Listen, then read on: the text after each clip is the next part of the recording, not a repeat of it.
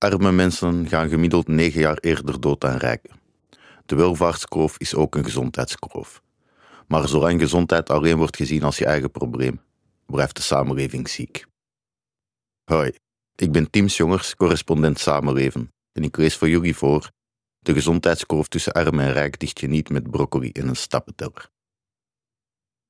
Het Centraal Bureau voor de Statistiek wreef het er uit 2022 nog eens goed in. De minst welvarende Nederlanders hebben negen jaar minder te leven dan de meest welvarenden. Het verschil in verwachting van goed ervaren gezondheid wordt al gauw 25 jaar. Uit die winst of verlies. Het was niet de eerste keer dat ik geconfronteerd werd met deze cijfers.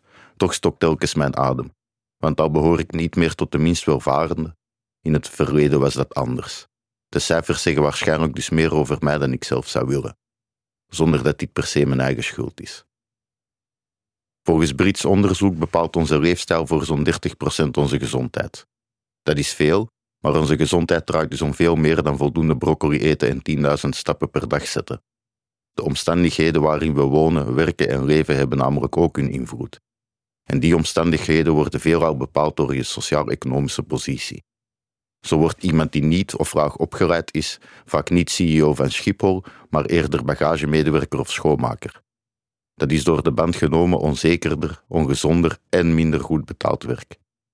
Tegenwoordig is het zelfs maar de vraag of het voldoende inkomen oplevert om in het levensonderhoud te voorzien. De kans om als laagbetaalde arbeider in een gemeente als Bloemendaal te wonen is dan ook niet al te groot. Waarschijnlijk wordt er dan een tochtig flatje aan de Bijlmer waar de gemiddelde woningwaarde ruim twee derde lager is. En met minder geld woon je minder snel midden in een groene omgeving. Eerder zit je ingesloten tussen drukke verkeersaders. En dan zijn er nog andere buurtkenmerken. Bijvoorbeeld de aanwezigheid van sportfaciliteiten of hoe veilig je er kunt voelen, die effect hebben op onze gezondheid. Daar kun je geen broccoli tegen opeten. Een jeugd in armoede is veelal een jeugd met minder kansen en aandacht voor het gezonde leven. Dat heb ik helaas zelf allemaal aan de lijve ondervonden. Als kind woonde ik in krotwoningen. Schimmels op de muren, kou en tocht in de winter. Op zulke plekken is het soms lastig om je te houden aan goede hygiënische gewoontes, of er is niet altijd geld voor een dokter of tandarts wanneer nodig. Schiet niet op natuurlijk. De verkrotte woningen liggen inmiddels ver achter me. Mijn leven ziet er op alle fronten anders uit. Sinds een paar jaar behoor ik tot een select clubje van zo'n 15% van de Nederlandse bevolking die over een academische graad beschikt. En eens je die hebt, openen zich de deuren naar het rijk der welgestelde burgers. Een rijk waarin het normaal is om hoog opgeleid, gezond en bovengemiddeld tevreden over het leven te zijn.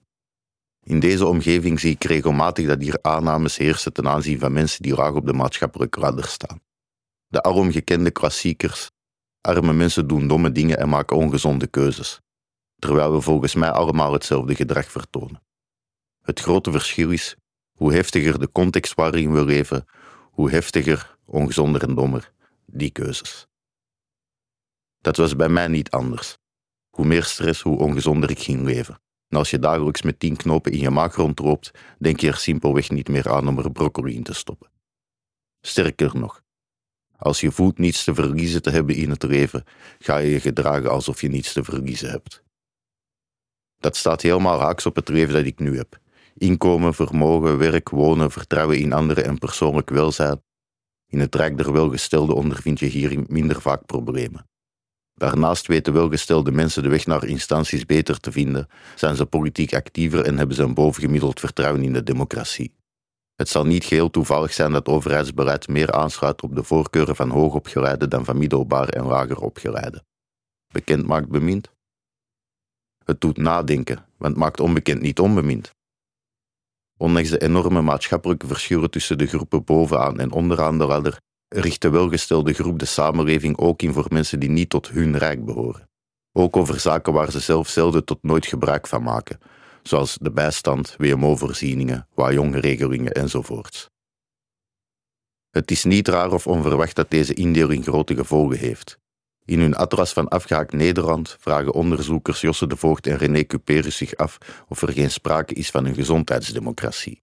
In die wijken en buurten waar men ongezonder is, blijkt men namelijk minder vertrouwen in de overheid te hebben. Sterker nog, de gezondheidskroof in de samenleving loopt min of meer gelijk aan de vertrouwenskroof. Dat is ook wel logisch, Want iemand die stressvol onderaan de maatschappelijke ladder bungelt en dus ook vaker ziek is, doet vaker een beroep op de overheid. En als die overheid niet levert, verdamt je vertrouwen. Dat kan ik vanuit mijn jeugdige tijd onderstrepen. In de omgeving waarin ik opgroeide was het vertrouwen in de overheid heel erg laag, al waren velen er voor hun levensonderhoud wel afhankelijk van. De overheid, dat waren wij niet. Dat waren die anderen die constant verlangden dat we ons gingen aanpassen naar hun evenbeeld. Wat voor de ene een leven in ellende is, is voor de andere een spreadsheet, een checklist die moet worden ingevuld. Net dat maakt het zo wrang dat de verantwoordelijkheid wordt verschoven en dat de focus bij het aanpakken van gezondheidsverschillen zich richt op laaghangend fruit. Minder roken, meer groente eten, minder drinken, meer bewegen. Leefstijl en eigen gedrag dus. Hoe ontegensprekelijk van belang ze ook zijn, kan ik me met de beste wil ter wereld niet inbeelden dat zulk advies destijds was wat ik nodig had. Een heel klein beetje meer zekerheid was beter geweest. Gezondheid is per definitie een lange termijnplanning. Het leefstijloffensief gaat daaraan voorbij. De lange termijn boeit amper wanneer elke dag overleven is. En dat de verschillen in gezondheid tussen welvarende en minder welvarende Nederlanders de laatste decennia overeind blijven staan, is als je het mij vraagt wellicht eerder dankzij dan ondanks de focus op eigen gedrag. Want aan de context verandert er ondertussen bitter weinig. En zolang gezondheid gezien wordt als een eigen keuze, zijn degenen die ongezond zijn degenen die het probleem voor de voeten krijgen. Gezond leven is dan niet alleen iets wat je moet willen, het is ook iets wat je moet kunnen en waarvoor bepaalde condities nodig zijn. Terwijl ik dit stuk schreef, werd de kankeratlas gepubliceerd. In de wijken met de laagste inkomens is er meer longkanker, las ik daarin. Is dat om gedrag of is dat gedrag in een heftige context van schulden, precair werk, thuisloosheid, krotwoningen, oftewel productiefactoren van ongezondheidsstress? Alles waar we in ons leven plezier, geluk, vertrouwen en zekerheid uithalen, is onderdeel van wat ons gezond maakt. Alle onzekerheden en stressfactoren zijn onderdeel van wat ons mogelijk ongezond maakt.